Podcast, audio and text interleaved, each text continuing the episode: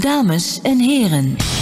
Dag dames en heren. Goedenavond, dames en heren. Goedenavond, mannen, dames en heren. Goedenavond, dames en heren, hier in Studio 1. Goedenavond, dames en heren thuis. This is the TPO podcast.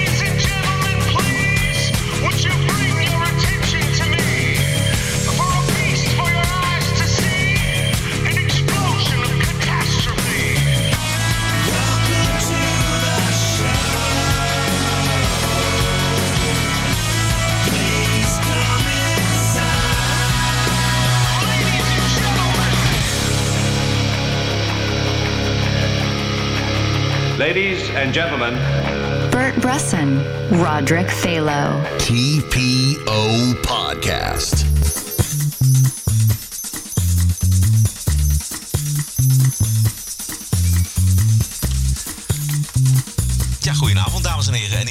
Zich eh, daar niet door aangesproken voelt. En eh, toch heeft ingeschakeld op deze nieuwe TPO-podcast, nummer 26. Maandagavond is het, 31 juli. Hartstikke warm in de studio. Bert, durf je nog? Eh, ja, mijn naam is Bert Brus, ik ben man. Wat is, ik wil niet zomaar jouw gender assumen, Roderick. Wat is jouw gender? Mijn gender is ook man. Oké. Goed. Zeer onevenwichtige samenstelling van eh, het presentatieduo. De muziek die je hoorde was eh, overigens van eh, Saliva. Dat is een Amerikaanse band uit Memphis, Tennessee. We hebben het natuurlijk over de dwangneurose. De, ta- de taal van de dwangneurose. De gemeente Amsterdam en de Nederlandse spoorwegen... die hebben zich deze week genderneutraal verklaard. Wat moeten we daarmee? Die vraag stellen wij. En verder natuurlijk de mainstream media. En Natuurlijk. Natuurlijk, maar we beginnen in Amerika, want er is nieuws vers van de pers. Aflevering nummer 26, hartelijk welkom. De kerstverse perschef van Donald Trump, Scaramucci, is na nog geen twee weken alweer ontslagen door de nieuwe stafchef van het Witte Huis, John Kelly. En we spreken daarover met Amerika-watcher Willem-Jan Helderink. Dit is de voicemail van Wiert Duk. Dag Lars. Goedenavond. Het waren twee mooie weken. Ja, ho- hoeveel dagen waren het? Eh, ik weet het niet, maar heel erg weinig. Dit moet een record zijn. En waarom is hij ontslagen?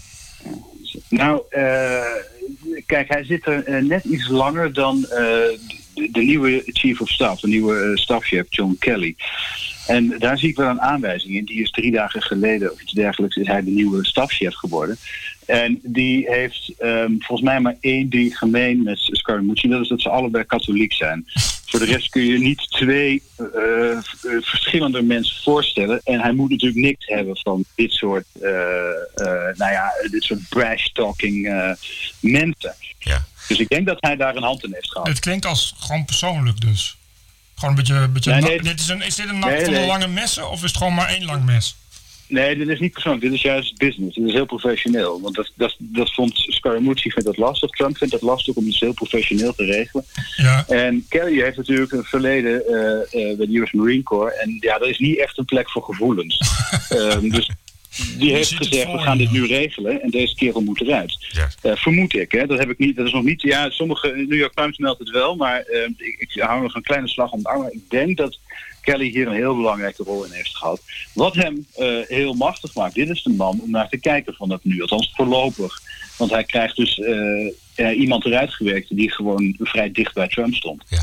Eh, De, de aanstelling van eh, John Kerry als nieuwe st- stafchef van het Witte Huis lijkt als een soort van ultieme poging om het lekker te stoppen vanuit het Witte Huis. Ehm, John Kerry is natuurlijk minister van beveiliging geweest, om het maar zo te zeggen, landsveiligheid. Heeft gezorgd Ja. dat er minder Mexicanen over de grens komen, ondanks dat er nog geen muur staat. Om maar een voorbeeld te noemen. Een generaal, een eh, man ja, met een enorme staat van dienst. Ehm, dit, is, dit is de belangrijkste zet eh, van Donald Trump misschien wel het afgelopen half jaar, denk jij? Eh, dat weet ik niet. Dat is misschien wat veel gezegd, maar het is interessant dat het generaal is. Eerst even over het lekken. Ik weet niet hoe belangrijk het is om dat lekken te stoppen. Dat was voor sommige mensen heel belangrijk. Trump vond het heel belangrijk. Maar het gebeurt in principe altijd. Ik vraag me af of dat echt zo eh, ernstig is. Zij namen dat heel ernstig op, maar er wordt altijd gelekt. Waarom zou die, Eh, waarom zou die Priebus hebben vervangen? Waarom, wat is daar de echte reden van? Ja, dat is, dat is een goede vraag. Ik denk dat dat, dat, dat voorlopig nog gist is. Hij was in ieder geval niet blij met zijn optreden vooralsnog. Eh, onder andere ook, en ik denk ook dat er eh, zijn mensen die hebben gewoon gestookt tegen Priebus. Eh, en dat heeft Scaramucci ook gedaan natuurlijk. We hebben dat eh brisante artikel in de New Yorker gelezen. eh, waarin hij dus ook gewoon suggereert, ja, eh, het is Priebus die steeds lekt. Eh, dat is nog maar de vraag, dat kan later alsnog wel uitkomen. Maar het is de vraag dat het wel heel belangrijk is. Wat wel interessant is, is Kelly is een generaal. En er zitten nu nogal wat mensen met medailles op hun borst, eh, op hele hoge posities. Dit is best wel de, wat decennia geleden dat, het, eh, dat er zoveel mensen uit militaire wezen in de regering dienden of daar in de buurt. Ehm, en eh, dat, eh, het is de vraag hoe hij gaat presteren. Ehm, eh, ver- verwachten van Matt is ook dat hij Trump wel in bedwang kon houden. Maar dat bleek toch wat lastiger te zijn. Ja. Dit is op zich wel hoopvol. Wat, Hij heeft dus wel Wat gaat het betekenen als je heel veel koper en sterren in je regering hebt? In elk geval eh, binnen, binnen je belangrijkste man, dus rondom eh, Trump heen. Wat betekent Nou, dat ik voor het vind het niet zo beleid? slecht. Eh, ik vind het op zich niet zo slecht. Ik Deze mensen zijn wel echt loyaal en professioneel. Professioneler dan sommige anderen, zoals uh, Scaramucci bijvoorbeeld. Een andere figuur die Trump naar binnen heeft gehaald. Deze, kijk, Mattis is natuurlijk wel gewoon competent. H.R. McMaster is wel competent. En Ja. dat geldt natuurlijk ook voor Kelly. Het Ja. is de vraag in hoeverre je natuurlijk zo'n gemilitariseerd, eh, gemilitariseerde top van de Amerikaanse regering wilt hebben. Maar vooralsnog lijkt het wel te werken. Nou, maar dat is dus een vraag van wat betekent het als je zo'n gemilitariseerde top hebt? Wordt je, wordt je Ja. beleid daardoor ook gemilitariseerd? Of althans, in elk geval je beslissingen die je neemt als president? Betekent Nou, ik mag er in bijvoorbeeld... zekere zin hopen. Ik mag er zeker in hopen. Kijk, Mattis heeft gezegd herhaaldelijk, die is nu minister van Defensie. En die heeft gezegd, jongens, je moet iets doen met de State Department. Waar Tillerson nu zit, de voormalige topman van ExxonMobil. Die dus helemaal niks zinnigs doet qua eh, eh, diplomatie. Hij heeft, er, er zijn nog honderden vacatures in de top van het Amerikaanse diplomatieke apparaat niet gevuld. Mattis heeft gezegd, als je dat niet gaat doen, I'm going to need more bullets. En wat dat betreft zouden ze wel mogen luisteren naar die militairen. Want die weten ook wel dat eh, met kogels los je niet alles op. Hoe zie je de, bijvoorbeeld het Noord-Korea-conflict voor je? Als je even vrij mag fantaseren.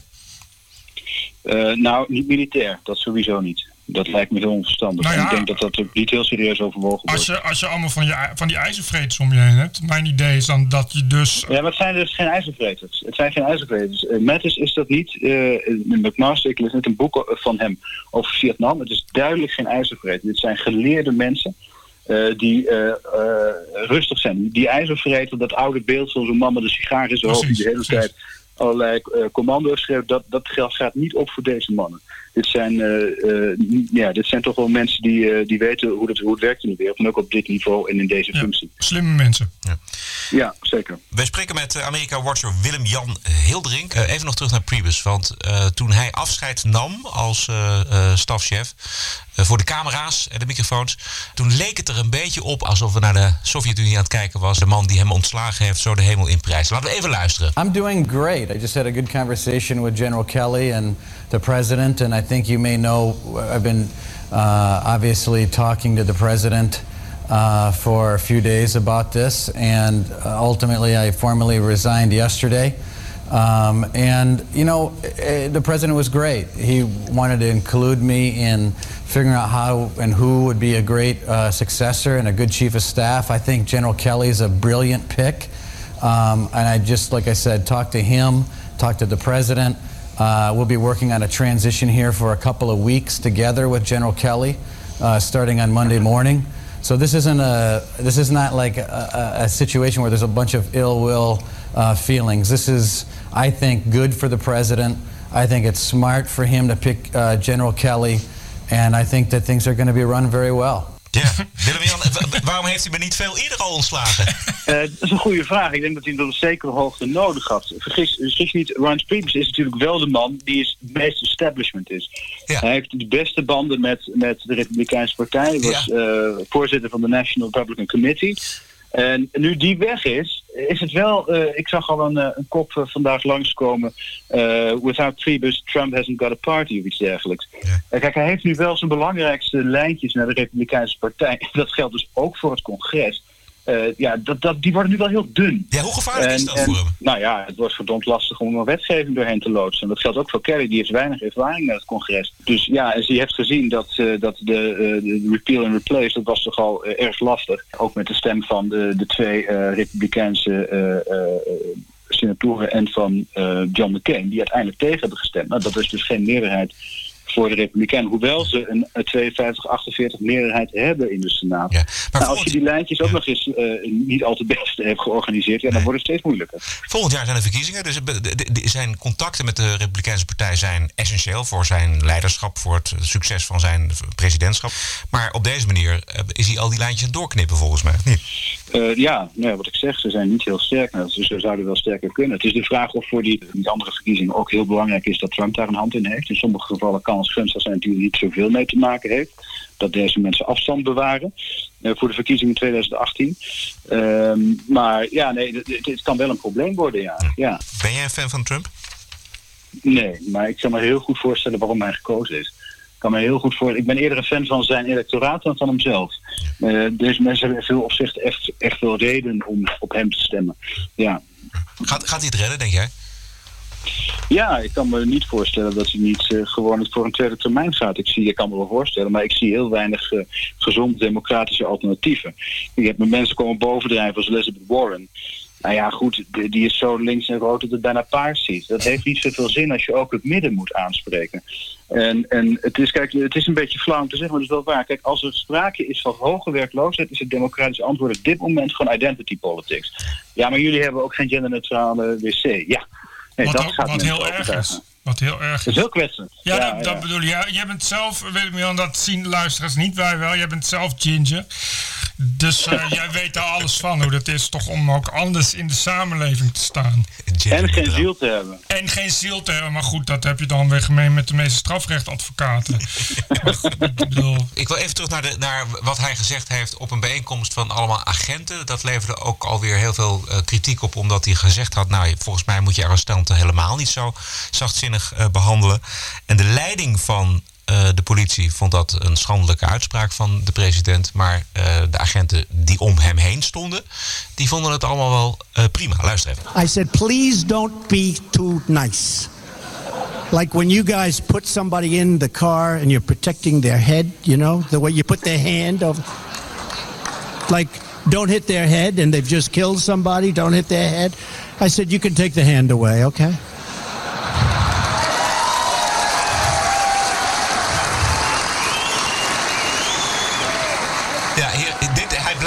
Gewone volk eh, aanspreken, hè? ook met dit soort opmerkingen, eh Willem-Jan. Ja, het is natuurlijk, dat is natuurlijk spijtig. Eh, kijk, dit is, dit is hartstikke. Het, het- het resoneert wel bij mensen. Maar het is, het is natuurlijk ook barbecue-praat. Je kunt net zo goed onschuldig worden opgepakt. En dan moeten ze ook met je hoofd tegen, het, eh, eh, tegen de daksteel aanslaan. Dat is natuurlijk onzin. Ja, de vraag is of dit als president handig is. Zeker, in, zeker als blanke president in een, eh, in een eh, gedeeltelijk zwart Amerika waar de politie onder vuur ligt, zou ik maar zeggen. Eh, Ja, maar, maar tegelijkertijd, ik, weet je, als ik het hoor, dan denk ik ook van het is wel een baas. Hij zegt het wel gewoon. En dat is- en dat is wat je zegt. Het resoneert natuurlijk uitstekend. En al helemaal bij de grote groep die hem heeft gekozen. Ja, het is, het is, het is politiek handig. Maar hij, hij maakt geen onderscheid tussen het ambt en zijn vak als politicus. En dat is ook waarom die, die voortdurende campagne en die rallies die hij nog steeds af en toe houdt. Dat je denkt van ja, natuurlijk dat, dat de voortdurende campagne, eh, dat is natuurlijk iets wat ze bij Reagan al zagen in de jaren tachtig. Ehm, maar kijk, dit is natuurlijk op een heel nieuw niveau dat, eh, dat aanpakken. En dan zeg je dus dingen als politicus die als pre- president gewoon oh ja, totaal niet kunnen. Exact. Goed. Ehm, Amerika Watcher, Willem-Jan Hilrink, hartelijk dank. Luister je wel eens? Ik ben luister elke dag, elke, elke uitzending. zeker. Willem-Jan, dankjewel voor je, voor je inzichten. Dank je. TPO Podcast.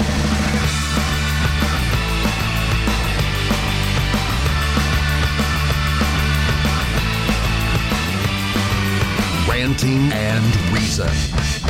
Ik ben een vreer. Je weet wel, meneer, mevrouw. Word samen met vreer. Maar haal je eraf, haal je de vreer over. En dat ben ik. Nou, ik ben genderqueer en vond het woord elisogender of gendermeander wel leuk. Omdat ik geen vaste positie heb wat dat betreft. Ik zwerf maar een beetje heen en weer. Een genderzwerver, dat ben ik ook. Elke keer verander je weer, zie je weer dingen, ontdek je weer nieuwe dingen aan jezelf, aan de wereld. Pas je op een andere manier in de wereld. En bij mij heeft dat het gevolg dat mijn benaming ook verandert. Behalve Vreer, wat ik ook als naam heb gekozen, dat blijft. En dat vind ik ook gewoon wel leuk. Ook lekker dwars. En nou, dat hou ik lekker zo. En voor de rest weet ik niet. Misschien dat ik voor, over een jaar wel weer een andere benaming heb. En dan gemakshalve zeg van, nou, ik hoor in die hele grote groep van transgender. En de iets kleinere groep van genderqueer. En verder, ja, weet ik veel. Zo de wind waait, waait mijn gender. Er is iemand die heet eh Vreer van Kerken. Is dit een diversity officer van de UvA of zo? Of eh, waar, waar luister ik naar? In godsnaam. Vreer Verkerken. Hij eh, stond in een advertentie van de Volkskrant op Twitter. En hij is een van de, schijnt een van de eh, drijvende krachten te zijn achter de, de lobby voor een genderneutrale. Oh, ik dacht dat daar gewoon het cultureel marxisme achter zat. Maar goed. Nou, het, het grappige is, toevallig heb ik gisteren met een vriend van mij gesproken. En hij is transgender. Dus hij. Ik wou zeggen, heb je nu hij? Je gaat nu wel hij zeggen? Dat Ja, durf je? Ja, nee, dan- absoluut. Hij, hij is al heel lang hij eh, voor mij. Ik ken, hem, ik ken hem eigenlijk niet anders dan hij. Maar je mag ook hij zeggen. Maar hij zei eh, tegen mij gisteren dat, hij, eh, dat het dus een, echt een actieve lobby is. Want ik dacht ook van nou, dit is allemaal goed mensen die proberen gen- genderneutraal Amsterdam, genderneutraal Nederlandse spoorwegen voor elkaar te krijgen. Maar er blijkt dus echt een, een actieve lobby te zijn van neutralen, om het maar even zo te zeggen. eh, die echt hoog opgeleid zijn, eh, intelligente mensen. Ja, die zijn al jaren aan het lobbyen voor wat wij eh, deze week hebben meegemaakt. Ja, What is nieuw. Een kleine groep van hoogopgeleiden die gaan lobbyen voor iets wat van toepassing is op de allerkleinste groep in de samenleving, obviously. Ehm, dat is eh, bij elke eh, lo- lobbygroep voor eh, het kleine kwetsbare smaldeel in de samenleving, voor de rest van de samenleving dan weer voor moet bukken en buigen het geval geweest. Nu volgens mij. Maar oké, bu- bukken en buigen zeg jij. ehm, Natuurlijk. Ja, want? Ja, kijk, eh, eh, het, is helemaal niet, eh, ik vind, het is helemaal niet erg als je een discussie wil aangaan over mensen die genderneutraal zijn of genderfluïde. Dat is wel heel duidelijk ook een heel klein onderdeel van. Want dat, jij zegt het al, ik, ik las ook, ik lees normaal nooit NRC, maar nu wel de Maxime Februari, die columnist, die heette vroeger Marjolein Februari, Ja. dus dat gives it all away. En die zegt ook van ja. Ik ben juist heel blij als wij met meneer aan spreken, want dat is nou precies wat ik altijd gewild heb. Dus Zegt die vriend van mij ook. ja, exact. Dus de grootste groep hè, van, van trans, dan heb je het over transgenders. Die zeggen van, ik wil juist, op een, en die hebben ook geen probleem, die willen ook niet een genderneutraal toilet, want die zeggen, ik ben juist man geworden of vrouw geworden en dat was juist wat ik wilde.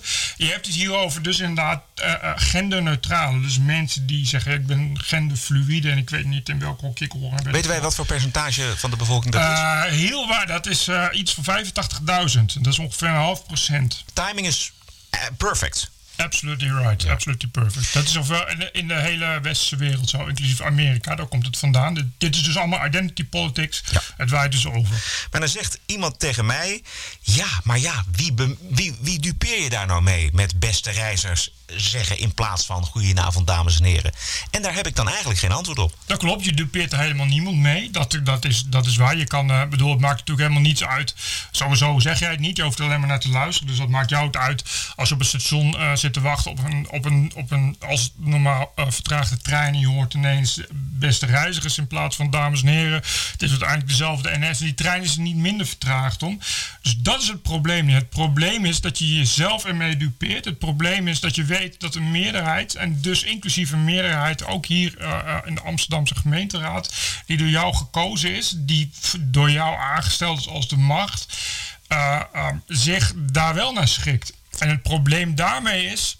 Eh, is dat je jezelf laat onderdrukken. Dit is wat er hier gebeurt. Dit is dus nieuwspraak. Dit is wat in 1984 sowieso in het meeste van, van Orwell al, ges- al geschreven is. Dit is de opmaat naar totalitaire regimes. Die verander je door middel van die taal. Dit is nou het schoolvoorbeeld van deconstructie van de taal. Maar Dus postmodernisme. Oké, maar wie onderdruk je met deze taalverandering? Ja, ja, jou bijvoorbeeld.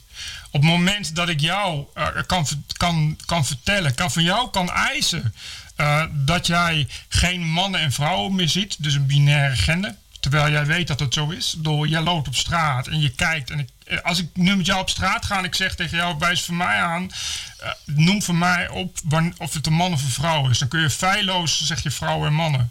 Je, je hebt daar geen twijfel over. Ehm, op het moment, als ik dan zeg van hoe weet je dat, zeg je nou ja, ik weet hoe vrouwen eruit zien, ik weet hoe mannen eruit zien. Dat is een duidelijk onderscheid wat aan vrouwen en mannen gegeven is, wat ik ook herken. Oké, dat ben ik het dus, dan ben ik het met je eens. Eh, op het moment dat iemand jou dwingt door dit soort dingen, hè, dus, dus als jij nu bij de gemeente Amsterdam werkt en je bent ambtenaar en je staat voor een zaal, dan mag je niet meer zeggen dames en heren. Dus je staat voor een zaal en in die zaal zie je dames en heren. Dat is wat je voor je ziet. Ja, je ziet voor je zie je die twee categorieën, categorie dames en categorie heren. Dat is dan ook wat je wilt zeggen. Op het moment dat het jou verboden wordt om dat te zeggen, eh, word je effectief gedwongen om een waarheid niet meer uit te spreken. En een andere waarheid is dan jou effectief opgelegd. Juist, En het maakt natuurlijk niet uit of dat nou alleen bij dames en heren is. Want dat past nu mooi in het plaatje. Dat je kan zeggen, ja, maar dat worden, dit zijn een kleine groep mensen die is er anders door gekwetst. Dus wat is er mooier om goed te doen eh, dan dat niet te gebruiken. Maar dat maakt natuurlijk niet uit. Want het kan natuurlijk uiteindelijk kan het bij alles. Je- je- ik, stel dat ik kan jou. Eh, dat gebeurt ook. Hè? Bijvoorbeeld in 1984, er zit, ook, er zit een scène in dat hij wordt gemarteld. Eh, eh, die hoofdrolspeler die heeft de liefde bedreven of hij heeft überhaupt gedachten, gedachten hij heeft individuele gedachten gehad. Daar wordt hij voor gepakt. Hij wordt gemarteld. En dat is een hele rare marteling, want wat er dan gebeurt is dat die man die, die is van het partijbureau, die wil hem per se opleggen dat die, dat slachtoffer uiteindelijk gaat zeggen dat 2 plus 2 5 is. Of hij zegt, of geloof ik hoeveel vingers steek op, of hoeveel is 2 plus 2. Hij zegt ook bij van, ik ga je net zo lang martelen tot je zegt wat ik zeg en daarna maak ik je dood. Dus het is volstrekt zinloos dat ik dit doe. Maar waarom hij dat doet, is omdat hij dat moment als lid van dat partij, als lid van dat orgaan, als lid van die totalitaire samenleving, heeft hij dat individu effectief gebroken. Op het moment dat jij dat individu iets kan laten zeggen waarvan je intuïtief weet en dat dat individu ook al weet dat het niet waar is, heb je gewonnen. Dan, als je het als een spel ziet, als een taalspel of als een werkelijkheidsspel, en ik kan jou dat opleggen, heb je gewonnen. Als ik bedoel, wij zien hier beide zien we een microfoon. Weet je, dat, dat is een afspraak die we hebben. Dus de, en dit, is, dit is een ding dat verbindt ons met geluid. En als we erin praten, dan kunnen we dat terug horen. Weten we dat is een microfoon. En je- we kunnen erover discussiëren. Het kan zijn dat jij zegt: Ik zie hier geen microfoon, ik zie hier een bloem. Dat is niet erg ik denk dan, nou, die zal wel niet helemaal lekker zijn. En dat heeft, dat heeft te maken met het feit dat waarschijnlijk iedereen microfoon zegt. En jij bloem, dat heeft niet per se. Ik kan uiteindelijk niet aantonen of dat wel een bloem is of een microfoon. Maar ik heb eigenlijk met iedereen afgesproken dat het een microfoon is die we zien. Maar ik kan, als jij zegt van ik wil het liever bloem noemen, geen enkel probleem. Nou, daar is dus een punt. Maar als ik dan zeg, praat in je microfoon en jij zegt dan tegen mij, ik heb liever dat je dat geen microfoon noemt, maar een bloem, dan is dus een probleem. Want dan bepaal jij voor mij jij wat, wat mijn werkelijkheid moet zijn, omdat het ook jouw werkelijkheid is. We zouden tot de conclusie kunnen komen dat we allebei een verschillende werkelijkheid hebben. Jij noemt dat bloem en ik noem het microfoon. Maar jij kan niet voor mij bepalen wat de werkelijkheid is. En dat is, dat is wat je met nieuwspraak, hè, met dit soort. Eh, eh, dit is een soort van brainwashing, dit soort manipulatie kunt bereiken. Eh, wat hierachter zit, is een, dus een, een neo-Marxistisch, een cultuurmarxisme, hoe je het ook wil noemen. Wat ze willen. ehm, is dat het uiteindelijk zo wordt dat die categorieën ook worden opgeheven. Want als je die categorieën opheft, is ook iedereen gelijk. Als je geen onderscheid meer hebt tussen mannen en vrouwen, dan heb je alleen nog maar een collectief van mensen. En al die mensen zijn gelijk. En als je al die mensen gelijk hebt, dan kun je ze ook niet meer kwetsen. En op die manier kun je ook de controle houden. Op die manier kun je ook zorgen dat je nooit meer wordt gekwetst. Dat mensen niet meer kwetsen. Dat kan door puur in die taal daar de hele tijd op in te grijpen. En dat Dus- is al langer gaande. Hè. Daar is, ik vind het wel echt heel belangrijk. Daar moet je niet in vergissen. Het is niet alleen dit. Dit is eh, de honderdste keer of de tweehonderdste keer dat dit soort dingen... En het zijn dus hele kleine veranderingen. Het zijn hele kleine veranderingen die ook heel sluipend gaan. En waarvan mensen, omdat het dus voor een goed doel is... Daarvan zeggen mensen heel makkelijk... Dus wat ze tegen jou ook zeggen... Ja, wat is er erg aan? Het is toch helemaal niet erg om dat te doen? Zo werken goede doelen ook, hè? Eh, Mind you, die zeggen... Wil je aan mij geven? Nee, dat wil ik niet. Waarom niet? Ben jij tegen goede doelen? Nou ja, ik ben niet tegen goede doelen, maar je wil niet geven. En hier net zo. Waarom niet? Ben jij, ben jij er soms tegen? Wil jij soms graag, omdat dat gebeurt er, ben jij soms een fascist die mensen wil kwetsen? Wat ik me afvraag, een praktische vraag. Waarom is er zo weinig verzet tegen? Want waarom zouden vrouwen het prettig vinden om met mannen in hetzelfde toilet te staan? Gezellig samen handen wassen. In een, ge- in een, in een genderneutraal toilet. Omdat. eh, dat is toch, dat, dat vinden vrouwen toch helemaal niet fijn? Nee, maar omdat dus dit. Omdat mensen willen deugen. Dit is. De, is de, er zit een gedachte achter dat je het over dit soort, dat je het over deze boeg hoort, dat je het over dit soort woorden hoort, omdat je hiervoor juist die, die mensen kan winnen, dat je hiermee een collectief kunt vormen van mensen die allemaal met de vinger wapperen en zeggen: dit is wat je moet doen, want hiervan kun je bepalen dit is het goede en hiervan ga je niet zeggen ja, ik wil het liever niet. Op het moment dat je moet gaan zeggen ja ik ben vrouw en ik wil eigenlijk niet dat er genderfluïde types in mijn toilet komen. Want wie weet wat daarvan komt. Misschien maken mensen daar wel misbruik van of je neem het. Dat is een slecht voorbeeld. Je kan een derde toilet en zeg je ja, dit is genderneutraal. Dus je kan als vrouw naar het vrouwentoilet. Hè, maar als je zegt van waarom komen die mensen niet toe in verzet? Waarom spreken mensen hier zich niet tegen uit? Hoe kan het dat je uh, als je ambtenaar bent bij de gemeente Amsterdam notabene een taalgids, wat is gewoon inderdaad letterlijk een nieuwspraakwoordenboek is. Want ik heb hem online gezet. En als je ziet, dit is niet, alleen, gaat niet alleen over Je mag ze ook niet meer homoseksueel zeggen. Oh ja. En veel erger. En daar gaat het dus mis. En daar wordt het gevaarlijk. Je mag bijvoorbeeld ook niet meer jongen of meisje zeggen. Je mag alleen zeggen bij de geboorte gezien als jongen. Of bij de geboorte gezien als meisje. Ja, als je aangifte doet. Ja, maar, en dan, maar dan doe je dus afbreuk aan de elementaire werkelijkheid. Dan doe je afbreuk aan biologische feiten. Namelijk dat mensen op de, uh, inderdaad, de dubbelgeslachtelijke en hermafrodieten na, wat echt een heel kleine uitzondering is, dat mensen ongeacht wat ze later zelf voelen en ongeacht ze later iets anders hebben eh, denken bij hun genderidentiteit, geboren worden met een piemeltje of een, of een vagina en dus geboren worden als jongetje of meisje. En dat is, dat is dus 2 plus 2 is 4. Ja.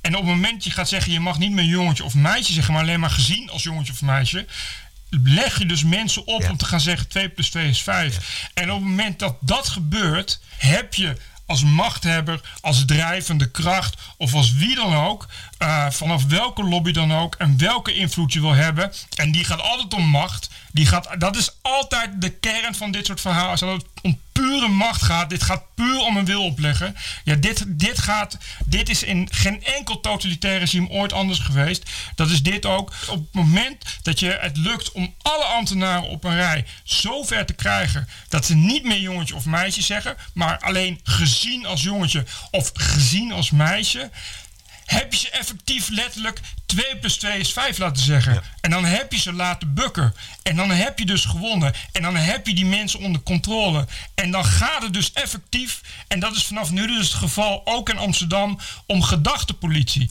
om taalpolitie.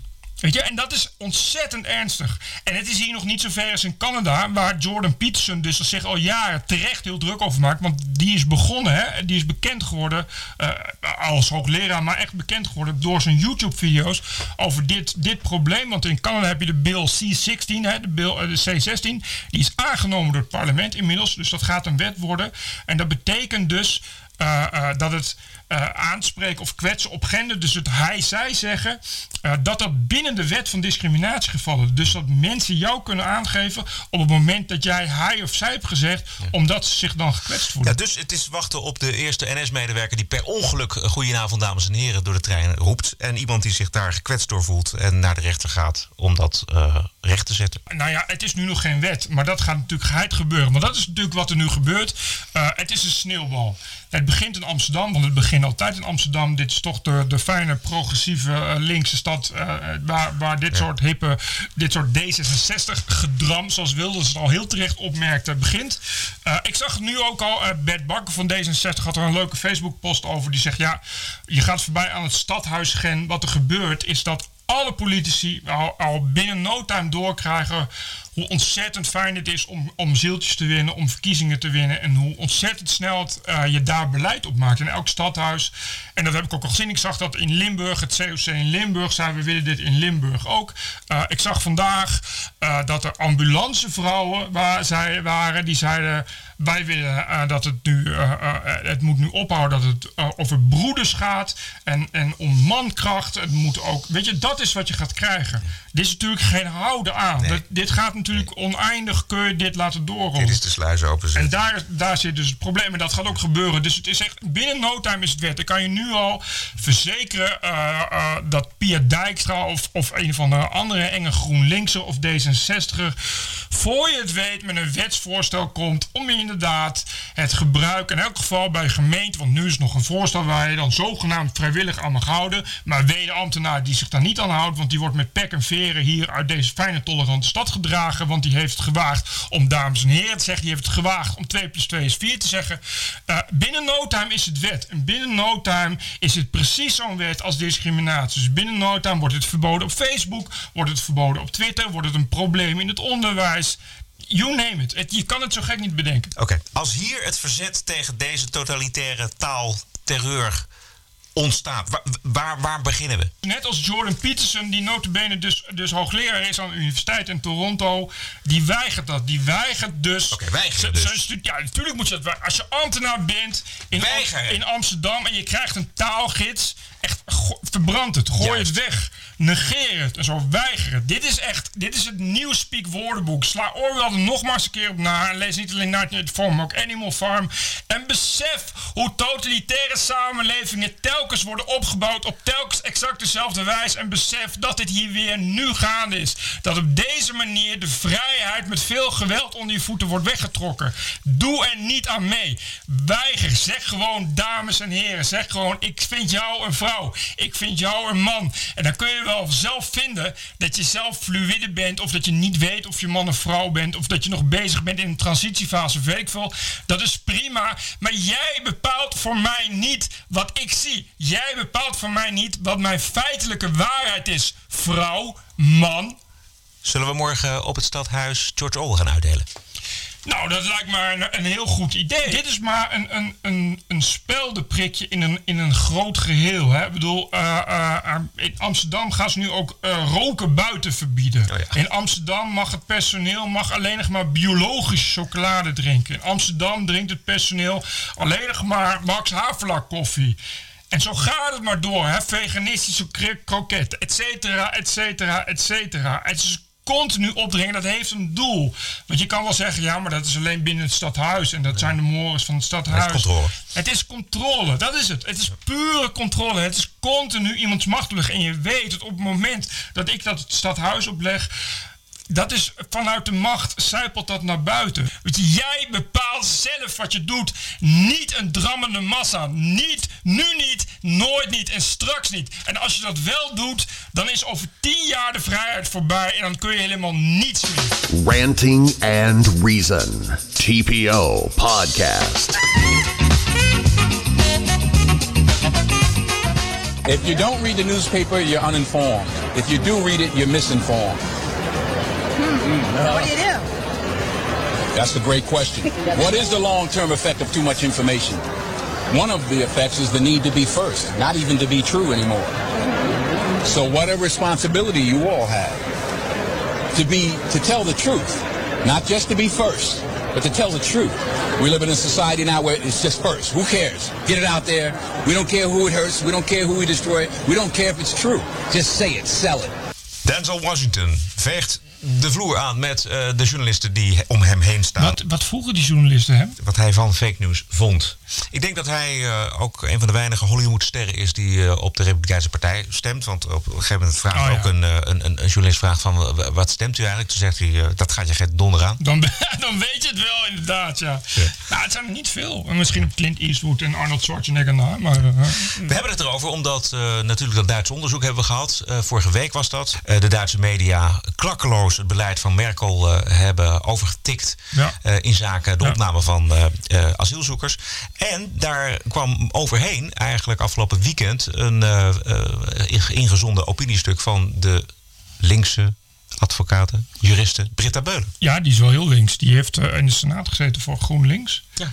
En die uh, was uh, vroeger, Theo van Gogh noemde het altijd terroristenknuffelaar. Ja. Die heeft toch altijd de grote verkeerde mensen verdedigd, zou ik maar zeggen. Een beetje wat je als linkse advocaat doet. Ja. Dus het was het verrassend dat het vanuit, dat het als het zelfs vanuit haar hoek komt, dan moet het wel heel ernstig zijn. Precies, want zij trok de weg door naar Nederland. En zei, zei ja, maar dat gebeurt hier in Nederland ook. En het wordt tijd dat journalisten weer kritisch naar zichzelf gaan wat kijken. Ik, wat ik interessant vond, is dat zij gewoon, zij noemde, volgens mij noemden ze echt mainstream media ook als woord. Ja. Dat is echt heel bijzonder, want meestal zeggen die mensen dat alleen denigrerend. Want er is, in Nederland is er onderscheid. Wij op het internet zeggen dan mainstream media. En dat bedoelen we dan denigrerend. Dus naar de, naar de kranten hè, en, de, en, de, en, de, en de televisie- en radiomedia. En al- omgekeerd eh, eh, keren die mensen zich af van dat woordgebruik. Terwijl die Britta Beulens inderdaad zei, nou ja, mainstream media. Dat viel me ook op dat ze inderdaad geen sneer uitdeelden naar het internet. Dus ik heb zomaar het idee dat zij inderdaad toch wel ook zegt van, nou, ik ben eigenlijk wel blij met, met, met de alternatieve media op internet. De Beulen is eh, gemoderniseerd. dat kennelijk, ja. Goed, ze heeft een, natuurlijk een, eh, als advocaat een eh, grote voorliefde voor de rechtsstaat en voor de democratie. Dat was natuurlijk ook wel een beetje haar porté van als je een, steeds slechtere, dus eenzelvige en bevoordeelde eh, media hebt, dan gaat dat ten koste van je democratie. Omdat op den duur eh, is dat niet meer vol te houden. En eh, ik denk niet, het is niet zo ergens in Duitsland. Het is sowieso no- nergens erger dan in Duitsland. Ik, ik las vandaag, Sietske Bergsma had vandaag op TPO een goed interview met een ex-medewerker van de WDR, de- een Duitse regionale publieke omroep. Nou ja, die heeft eigenlijk ook met zoveel woorden gezegd van we werd ons eigenlijk min of meer opgedragen om toch vooral Merkel te verdedigen. Eh, en over bijvoorbeeld Keulen, daar eh, beslist niet kritisch te schrijven, want toch de teneur op die redacties is toch van ja, dan speel je alleen maar de AFD in de kaart. Eh, Een beetje wat we allemaal hadden verwacht. Eh, dat was eigenlijk tot voor kort, als je dat zei, werd je weggehoond. Maar we hebben nu inderdaad Duitsland. Het is echt een belangwekkend onderzoek. Het was een serieus onderzoek waar gewoon inderdaad uitkwam van ja, het staat er heel beroerd voor. Het is echt heel slecht eh, gesteld met de Duitse media en met journalistieke eh, onafhankelijkheid en met de objectiviteit. Ja, die, die onderzoeken die hadden het over echt een systeemcrisis van de, eh, van de reguliere media. Ja, maar en dat is natuurlijk, ja, dat is in heel Europa zo. Dat, is, dat, is, eh, dat hebben we natuurlijk gezien. Eh, in Amerika is dat zo, maar dat is natuurlijk in heel West-Europa zo. Dat zei uh, Arjan Boekstein horen volgende week, maar die hebben we gebeld. maar dan hadden we het over de Italiaanse media daar is het, en de Franse media. Is het, is het allemaal net zo? Er is echt een probleem, een cultuur ontstaan van hoe je met de regering omgaat. Maar goed, ik vind het heel dapper van Britta Beuden, want die zal eh, in haar eh, kringen daar niet alleen eh, bloemen en bonbons op ontvangen op dat soort opinies. En zeker ik vind het heel dapper overigens wel dat het in de Volkskrant staat. Dat moet je dan weer wel nageven. Ja, zie je. Zullen we eens bellen, Britta bellen? Ja, we kunnen best een keer bellen. Ik ben best wel benieuwd, inderdaad. Wa- wa- wa- want volgens mij, ja, dat is volgens mij iemand die daar wel... Want eh, ik moest dus even naar een Wikipedia-pagina. Dat, daar krijg je dan... maar er stond ook in dat ze... eh, eh, ze had getwijfeld tussen SP en, en GroenLinks. Dus wel, ze is wel heel links. Maar ze had wel GroenLinks om, dat die veel meer nadruk legt op, op individuele vrijheid. Dus ze heeft ook al wel juist weer... eh, ja, iets met dat liberalisme waar, waar natuurlijk wij eh, eh, aan die kant zitten. Juist. Nou ja, we hebben ook steeds meer linkse luisteraars, Bert. Dus eh, wat dat betreft eh, eh, zullen we hen ook een ple- plezier doen Ja, met, sinds met, kort. met Britta Beulen. Ja, Sinds kort een eh, hele groep erbij. Goed. Eh, tot zover deze eh, extra lange aflevering nummer 26. En wij beloven ter compensatie dat die eh, van eh, nummer 27 volgende week ietsje korter zal zijn. En Bert heeft het al een klein beetje verklapt. Dat wordt namelijk een, een lang interview met Arend-Jan Boekenstein. Ja, want jij gaat op vakantie. Ga je snowboarden? Nee. ik ga wel naar de Alpen, maar ik ga niet snowboarden. Wandelen. Ja, nee, ik ga zwemmen. Lekker. In de Alpen. In de Alpen, precies. Wij zijn eh, te vinden op Soundcloud, YouTube, iTunes. Te abonneren en luisteren is eh, volstrekt gratis. En op de TPO-website natuurlijk. We zijn er elke week op dinsdag met een nieuwe show. Reageer heel graag. Laat het weten op onze Facebookpagina. Heb een mooie week en tot de volgende. Dag, dames en heren.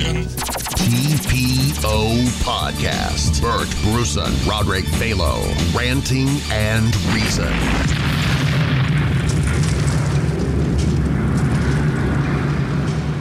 And now we can't smoke anywhere either. No smoking. No. For our health. No, it's not. It's for control. Hmm, No smoking. Can we still buy cigarettes? Of course. Where can we smoke them? Nowhere.